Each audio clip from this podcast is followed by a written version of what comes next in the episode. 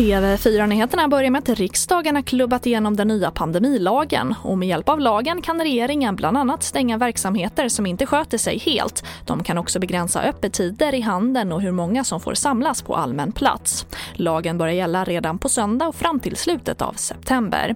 Och mer om det här kan du se på tv4.se. Och EU-kommissionen har ju klart med Pfizer-Biontech om att köpa ytterligare 300 miljoner doser av företagets coronavaccin. Och 75 miljoner av de nya doserna kommer levereras under andra kvartalet medan de övriga kommer senare under året. Och vi avslutar med att svenskarna är duktiga på att sopsortera men när det gäller restavfallet är 70% av det som slängs där fel. Sopor som skulle kunna återvinnas. Och sopanalyser visar att det är märkliga saker som slängs i restavfallet. Vi hittar allt, förpackningar av alla slag, glas. Eh, häromdagen hittade vi eh, grishuvud. Man undrar, hur kommer två grishuvud hittar vi? Vem slänger grishuvud i restavfallet?